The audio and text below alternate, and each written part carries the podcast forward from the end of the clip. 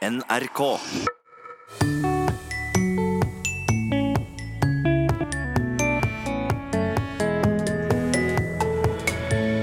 Språkteigens lille latinskole er tilbake, og i dag tar vi for oss temaet litteratur. Ja, det er, det er jo omstridt hvor langt vi må tilbake, da, men 700-800 før Kristus. Her starter eh, litteraturen i vår eh, kulturkrets, ja. Og jammen slår vi til til med et eget VM-studio òg, for nå sitter vi snart der, klistra foran TV-skjermen. Det blir gøy! Dette her er bra. Vel møtt til Språkteigen. Det siste året har vi jevnt og trutt fått en dose latin i Språkteigens lille latinskole. I dagens utgave skal vi ta en liten kikk inn i et stort tema, nemlig litteratur. Og Vibeke Roggen, førsteamanuensis i latin ved Universitetet i Oslo og vår faste latinlærer. For å finne de første nedskrevne litterære verka, så må vi langt tilbake i tid. Ja, det er, det er jo omstridt hvor langt vi må tilbake, da, men 700-800 før Kristus. Og da må vi til gresk side. Iliaden og Odysseen. Og ja, vel også Det er vel også hevdet at, eh, at det greske alfabetet ble laget i den forbindelse for å skrive ned eh, disse epene eller eposene. De tilpasset da det fønikiske alfabetet til gresk. Disse e-postene handler da primært om eh, den trojanske krigen, som jo er ganske kjent. da. Det ene Iliaden om selve krigen, eller en del av den, og Odysseen om eh, helten Odyssevs hjemreise, som også tok svært lang tid. Ja, og da prater vi om to monumentale verk av Homer. Og her starter vår kulturarv. Ja, her starter eh, litteraturen i vår eh, kulturkrets, ja. Og i hundreåret etter dette så kommer mange av de sjangre vi kjenner i europeisk litteratur, som lyrikk, komedier, tragedier, filosofi, retorikk og historiske verk. Og ordene, betydningen av dem, er jo viktig for Språkteigen, så vi kan begynne da med sjølve ordet litteratur. Ja, det kommer av ordet littera, som betyr bokstav. Så det har med det bokstaver å gjøre, da. Så det er jo nedskrevet uh, tekster, da. Mm. Og raskt kommer jo lyrikken inn her, så vi kan ta det ordet òg. Eh, lyrikk kommer av lyre, det heter instrument. Så det er av adjektivet der lyrikos. Dette er et gresk ord. Litteratur er fra latin. Det er av bokstav er fra latin. Eh, lyrikos betyr da sang til lyrespill, eller eh, det kan også bety lyrisk dikter. Lyrikken, ja, der har vi faktisk en kvinnelig lyriker også, Sapfo, som levde på Lesbos. Eh, og der, der har vi også dikt som hun skriver til en annen kvinne. Så derav ordet lesbisk, da. Det, med dobbel betydning, både en som kommer fra øya Lesbos og en eh, som elsker en kvinne. kvinne. Mhm. Høydepunktet i, gresk eh, kultur og litteratur ligger eh, en, del århundrer før høydepunktet i eh, den romerske litteraturen og kulturen, så vi er nå ved de greske store tragedieforfatterne Aisylos, Sofokles og Evripides, og komedieforfatteren Aristofanes, og, og historieskriverne Herodot og Tukidid. Hva betyr ordet tragedie, da? Ja, det, det er fra gresk, og det betyr eh, Ja, den eneste forklaringen jeg har hørt, er at det betyr bukkespill, men hvorfor de gjør det, er jeg ikke sikker på. Kom, Eh, ja, kom, Teater er vel lettere å, å forklare, kanskje. Seatron på gresk, av et verb som betyr se på, theaomai. Så eh, et teater, en skueplass. Holberg kalte det skueplass. hva med poet? Det med poet og poesi kommer av eh, verbet poiein, som er å gjøre eller skape noe. Så en poet er en som skaper noe, lager noe. Eh, Nå er vi på 400-tallet, altså. Da begynner romerne å røre på seg når det gjelder hva vi har skriftlig fra dem. Ja, Eh, De tolv tavlers lov. Da, da er jo det et viktig dokument innenfor romerretten, eller grunnlag for romerretten, som, ble, som var et av feltene hvor romerne overgikk grekerne, da. Så det her var de første tekstene i den romerske verden. Det var rett og slett lovene? Ja. Eller de første vi har noe av. Er, de ble oppslått på eh, bronsetavler, eh, offentlig tilgjengelig, og ble jo da kalt tolvtavleloven. Så kom vi da til latinens gullalder, i første århundre før Kristus. Cicero med mange sjangre. Catull med lyrikk. For eksempel et dikt eh, som kan gjengis omtrent sånn. Eh, jeg eh, hater og jeg elsker. Hvorfor gjør jeg det, spør du kanskje. Jeg vet ikke, men gjør, jeg gjør det, og det river meg i stykker. Hmm. Han har mytologiske dikt, og han har dikt hvor han gjør narr av Cicero. Han har dikt hvor han gjør enda verre narr av Cæsar. Ehm, men det, han er mest kjent for sine kjærlighetsdikt. Et dikt eh, Vivamos mea lesbia atqua memos. La oss leve, min lesbia, og la oss elske. Og la oss ikke bry oss om ryktene fra eh, gamle, sure menn. Soler kan eh, stå opp og gå ned. Men for oss, vi skal ha en evig natt og sove sammen. Gi meg et tusen kyss, deretter hundre, deretter tusen til, deretter hundre til. Og deretter enda tusen til, og deretter hundre. Og når vi har kysset mange tusen ganger, så skal vi rote det til for at ingen onde skal vite og misunne oss når de vet hvor mange kyss vi har uh, gjennomført. Romerne har også begynt å røre på seg, og de adopterer jo mønstre fra den greske litteraturen, og det kommer verker innafor de samme sjangra, og etter hvert så får òg dem sitt eget nasjonalepos. Det er jo viktig for et folk å ha et nasjonalepos. Og det fikk da romerne med Vergil. De hadde et fra før, men det har vi bare fragmenter av. Var en som het Ennius. Men eh, Vergil overgikk tydeligvis han på forskjellige måter, og det ble skole, skolepensum i Romerriket. Og det er, jo da godt overlevert. Vi har vel ikke snakket om overlevering, men eh, Boktrykkerkunsten ble jo ikke oppført, oppfunnet før på 1400-tallet. Så, så de, disse tekstene vi snakker om fra antikken, måtte skrives av og skrives av og skrives av for at vi skulle kunne få dem. Og det meste er jo tapt. Ja. Det aller meste er tapt fra antikken, dessverre. Hva heter nasjonaleposet du sikter til? Ja? Det heter Eneiden, og helten er Aeneas. En uh, høytstående trojaner som eh, rømte fra Troja med sin eh, gamle far og sin sønn og sin hustru.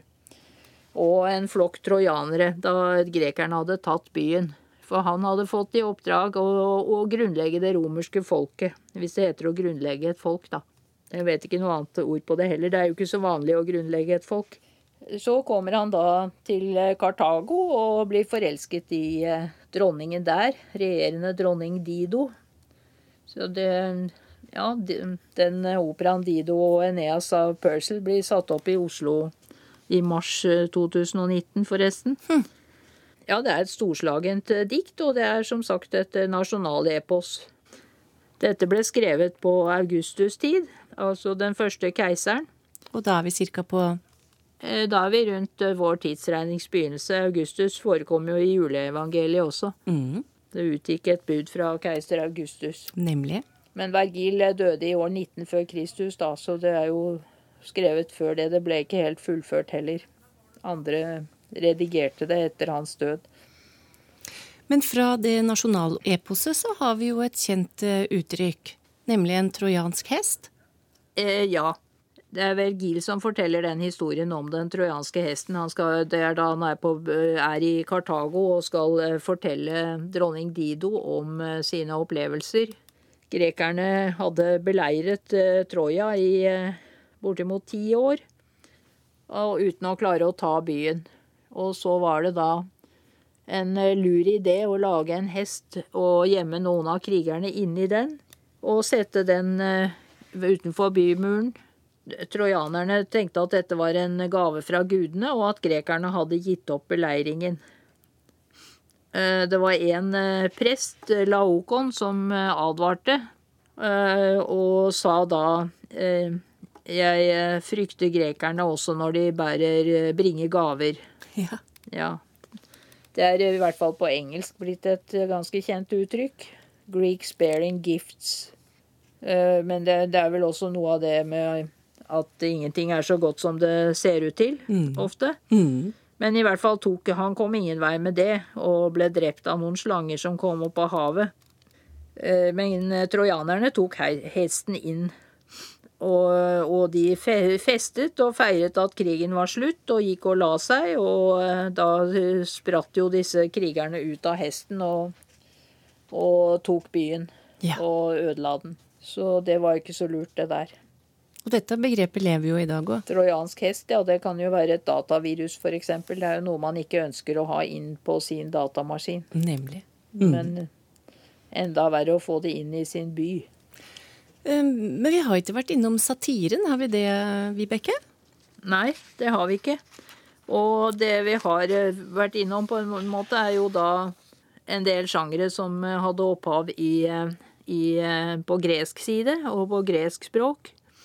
Eh, eksempel epos, eh, historieskrivning og lyrikk.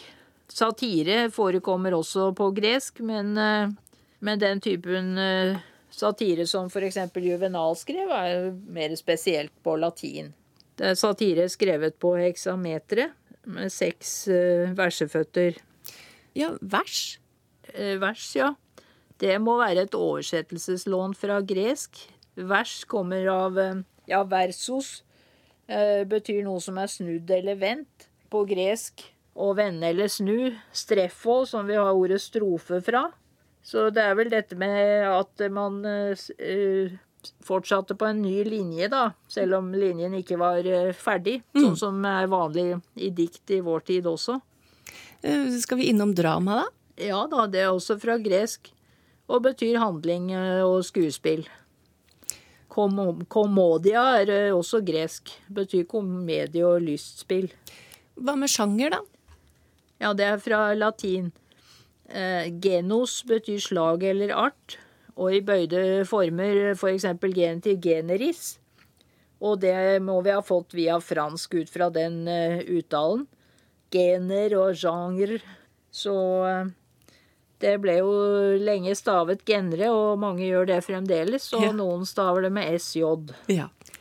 Vi har tatt en rask kikk på litteraturens verden i Språkteigens lille latinskole i dag. Takk til deg, Vibeke Roggen, førsteamanuensis i latin.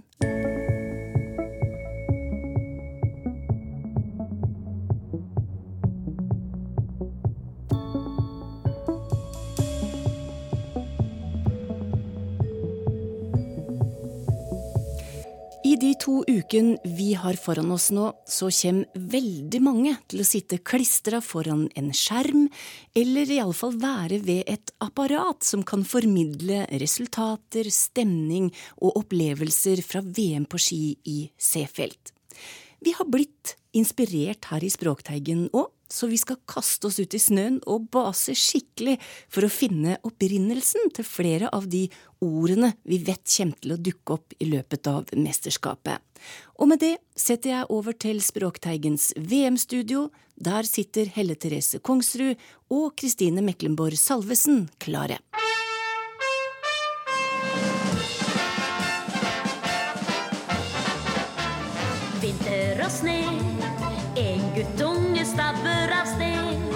Takk for det, Torunn. Her er stemningen på topp. Og nå er vi klare for ski-VM! Det blir gøy! Dette her er bra. Er dette her en idrettsbegivenhet som du var klar over at skulle finne sted, Kristine? Helt ærlig, Helt ærlig. helt ærlig så kommer ski-VM litt overraskende på. Men jeg, når jeg oppdager at det er ski-VM, så blir jeg alltid veldig begeistra. For jeg syns jo egentlig Så er jeg en sånn nordmann som mener at idrett uten ski er ikke ordentlig idrett.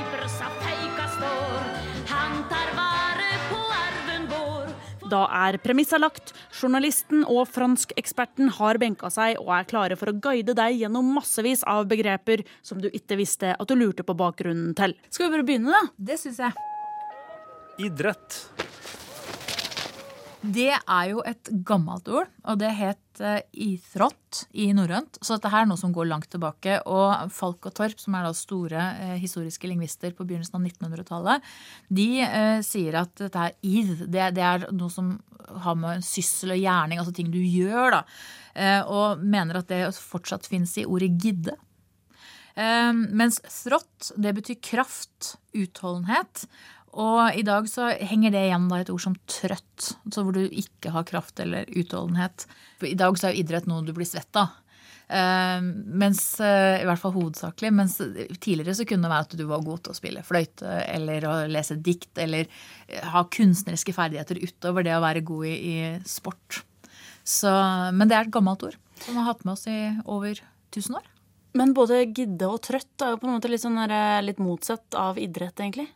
Ja, det kan du si, men det er vel et tegn på å vise vel egentlig hvordan man, et element kan gå i litt forskjellige retninger, og en kjerne kan plutselig brukes i, i sine egne motsetninger. Uh, og det skal vi også se litt på når vi snakker om ordet sport, faktisk. Sport. Åh, jeg er så glad i ordet sport. Uh, det, vi har fått det fra engelsk. Men det her har en fransk opprinnelse. For man kunne si i gammelfransk at man gjorde noe for å frakte vekk sinnet. Eller også frakte vekk kroppen, men da var det i overført betydning. Og det var altså sånn i betydningen Sette, få tankene over på noe annet. Altså liksom gjøre noe som kom Du kom vekk fra det daglige dont og, og alt som er trist og vondt i verden. Og da brukte man des pluss porter. Des betyr vekk fra, og porter betyr egentlig å frakte. Så vi har det i norske sykehus. Vi har en portør, f.eks. En som frakter pasienter. Um, og så Man snakka da om dess, porter. Og uh, så på et eller annet tidspunkt så begynte man, man ha delt ordet feil. Altså Man har tenkt at ordgrensa var ikke mellom des og porter, men mellom det og sporter. Og da får vi ordet sport. Aha. Så dette her er rett og slett en feildeling av et sammensatt ord. Og det er jo ikke ukjent. Altså, eh, vi har, eh, hva, hva kaller du det du har, arm, har på deg under armene om morgenen? Deodorant. Eller? Eh, eller For jeg kaller det bare en deo. Og det er også en feildeling. For det betyr det og odorant. Altså mot det som lukter. Odør, ikke sant? Ja. Men så har vi delt det opp feil. Vi sier en deo. Så tar vi med oss første bokstaven, første lyden i ordet etter.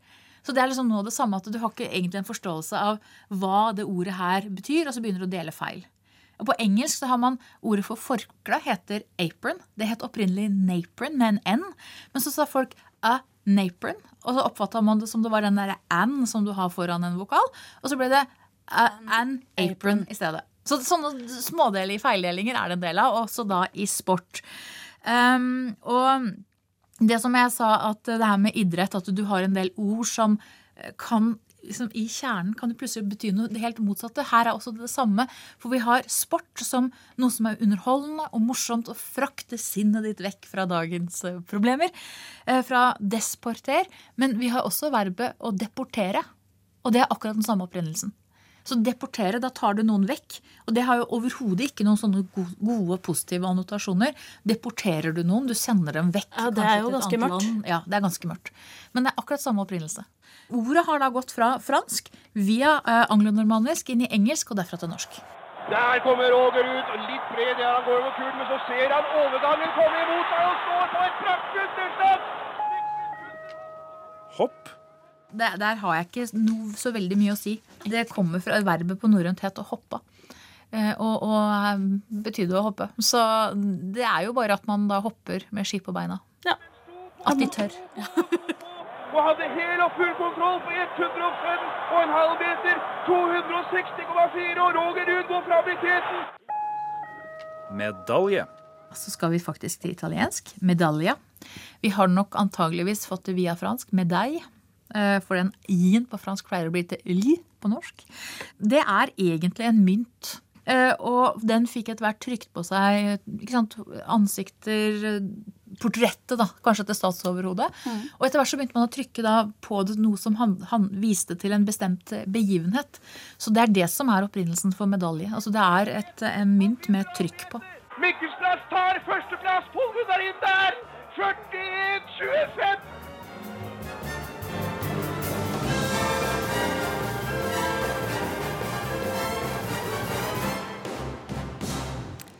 Det var første utgave av Språkteigens VM-studio, og første rapport fra reporter Helle Therese Kongsrud og språkforsker Kristine Meklenborg Salvesen. Og det blir mer om ord og opphav til ord, for vi skal ha lytterspørsmål, og vi starter med ett fra Vibeke Blø. Hva er det som bestemmer om det skal være o eller å i et ord, for eksempel som i love eller love, som kan bety forskjellige ting om du bruker o eller å, spør Vibeke. Og det er Toril Oppsal som svarer på spørsmålet i dag. Ja, eh, her tolker jeg Vibeke Blød den vei at dette her er spørsmål om hvordan man skal gjengi en å-lyd med bokstaver. Mm. Eh, Her er det en del ting som bestemmer. Eh, Det er en kombinasjon av eh, lyd og lengde og historie. Og for så vidt også betydning. For eh, vi kan starte med en regel som fungerer langt på vei. Og det er at dersom denne vokallyden er kort, Ja. så bruker du bokstaven O. Så du vasker deg med såpe, og bokstav, men plukker sopp, O-bokstav. Eh, Og er du for, så bruker du en O-bokstav, men er du får, så bruker du en Å-bokstav. Eh, Men her er det sikkert noen som velter kaffekoppen i frustrasjon, for det finnes så veldig mange moteksempler til akkurat denne regelen her. Kan jeg bare Ja. inn, Toril? Jeg Ja. fikk sånn følelse av dra-ord Ja, og ja, og sprettord. sprettord. Ja. Den regelen kan du bruke her, faktisk. Eh, Men, men altså, det, det fins mange moteksempler, fordi vått, det er da ikke et dræ-ord. Og hva med rått? Og noen betydninger av blått. Eh, Her må vi trekke inn, eh, trekke inn betydning, fordi disse skrives med en å-bokstav, og det er fordi de er bøyningsformer av et ord med en lang lyd. Så du har våt, vått og bokstav. Rå, rått og bokstav. Um, og dette her fungerer eh, ganske greit, men, men det er noen ord jeg personlig syns er vrange og vanskelig å huske på. Um, kan jeg få lov å innrømme det på radio? Vær så god. For, for jeg syns f.eks. denne her lille blodsugende saken som av og til eh, ja, dukker opp uh, i skogen. Ja. Flott. Der, der må jeg tenke meg om. Er det en kort lyd eller en lang lyd? Det, det, det er et adjektiv, flå, som betyr vid og flat, som ligger til grunn for dette her. Så her skal det være en å-lyd. Men det er ikke noe jeg intuitivt uh, griper. Så en å-bokstav, unnskyld. Dette er vanskelig på radio med, med lyder og hvordan vi gjengir eh, dem. Men flott har vi jo allerede med O. Ja, og det er et lavtysk uh, lån. Ja. Uh, men også en del andre ord eh, vi kan koble inn der. Men, men ingenting av disse her forklarer jo egentlig det eksempelet som Vibeke Brød nevner. Gjør det det, da? Nei, det gjør ikke det. Eh, og her må vi til historien. Eh, fordi eh, lover med O-bokstav og lover med Å-bokstav, det er gamle ord. Og tilbake i norrøn tid så hadde den ene en lang vokal, og den andre en kortere vokal. Så denne låven med Å-bokstav hadde en lang vokal, og låve med O-bokstav hadde en kortere rotstavelse. Hmm. Så der var trykket jevnt fordelt på de to stavelsene i dette verbet. Eh, Så det er det vi kaller for et jamvektsord, som noen er, eh, som noen er opptatt av. Hmm. Men vi kan jo gjøre det enda mer komplisert, faktisk. Ja, kjør på. Ja, eh, altså Vi kan jo trekke inn spørsmål om uttale av O-bokstaver. Eh, fordi særlig fremmedord så har det skjedd en endring i uttalepreferanser her. Fra en Å-uttale, som vi kanskje skulle forvente ved en kort vokal, til en eh, O-uttale. Konfekt. Det er noen som fortsatt uttaler dette som konfekt. Oi. Eh, og en del nyere lånord som vi har snakka om før også, sånn som kontekst. Ja. Der tror jeg du skal lete lenge etter noen som uttaler dette som kontekst. Så, så her, her er det mye å ta tak i. Ja. Ja, også snakka om det her med Ja. robot, eller Ja, ja, den har vi også vært borti. Ja. Um, så her er det gjerne en dreining fra en å til en o-lyd eh, når vi eh, Hva skal jeg si? Dette ordet blir mer og mer integrert og kommer nærmere nærmere oss enn opphavet som et fremmedord. Da. Mm. Så her er det også tradisjon og sedvane og ordhistorier som kan eh, trekkes inn. Og da har vi ikke nevnt og, og, å, som også, som også er notorisk vanskelig å lære, for det høres jo helt likt ut. Ja, Infinitivs... eh, ja nemlig. ja, infinitivsmerke. Ja, så, så her har Vibeke Blø virkelig stilt et, eh, et godt spørsmål. Men eh, lyd, lengde, historie, betydning. Da tror jeg vi har dekket dette her, altså. Her en dag satt jeg på T-banen og gleda meg over at det var helg. Da slo det meg at alle dager som ikke er helg, er hverdager. Og hver betyr jo samtlige. Da stemmer jo ikke dette. Hvorfor kaller vi mandag til fredag hverdager og ikke lørdag og søndag? Søndag er jo helligdag. Men hvordan har lørdagen sneket seg inn i det inn som en ikke-hverdag, spør Joakim og Ragnhild. Ja. Eh, jeg syns dette er et fascinerende spørsmål. Jeg. Eh, men vi, kan jo slå fast at hverdag i hvert fall er det som ikke er helg. Um, og helg, det hører vi ja, ligger litt i ordet, at dette her henger sammen med det som er hellig. Og helg det bruker vi jo både om lengre ja, kirkehøytider og enkeltdager som søndag. Eh, Og helgedager de er tradisjonelt eh, regna som eh, helgedagen med kvelden i forkant. Så det vil si fra og med lørdagskveld og med den påfølgende søndagen. Og jeg klarer ikke å la være å tenke på denne her låta fra filmatiseringen av Oskar Bråtens 'Ungen'. Det var fra midten av 70-tallet, hvor de synger 'Lørdagskveld, lørdagskveld, her skal det' Altså den gleden av å få arbeidsfri, som også var ja, ganske avgjørende for eh, sosialt liv og, og det, å, det å avslutte arbeidsuka. Og tidligere så strakte jo arbeidsuka seg til og med lørdag. Så der er nok svaret. Og nå er det jo mer det også, altså fortsatt det å ha fri som skiller helg fra hverdag. Og for noen så er også det hellige eh, viktig. Eh, Men hvis man trenger å skille ut tydelig det som ikke er helg, så kan man kalle det andre for eh, virkedag. Og det opplever man jo av og til også, å få beskjed om å vente i et visst antall virkedager. Der får du understreka det som ikke er helg, på kanskje en tydeligere måte. Er det noen sammenheng mellom engelske 'angry' og norske 'angre', spør en anonym lytter på Rodeløkka i Oslo. Ja. Uh, hei, anonym. Jepp. Eh, Det er uh, et uh, ja på det svaret. Um, altså angre, verbet, det har vi hatt lenge her hos oss. Um, og det fantes også et substantiv anger, som betydde sorg eller smerte. Og ordet det strekker seg langt tilbake til et fellesgermant opphav, men, opphav, men, men jeg er ganske sikker på at uh, dette ble lånt inn til engelsk fra oss. Uh, og at det der utvikla ja, Etter hvert så ble det utvikla noen egne mer spesialiserte betydninger. Så sammenhengen er der Uh, definitivt mellom angry og angre. Artig å støte på et ord som vi har sendt fra oss. Sendt, sendt fra oss, ja. Det, det, det, er alltid, det er alltid litt ålreit. Der sa jeg et. Vi hadde lånt tilbake. Ålreit. Ja.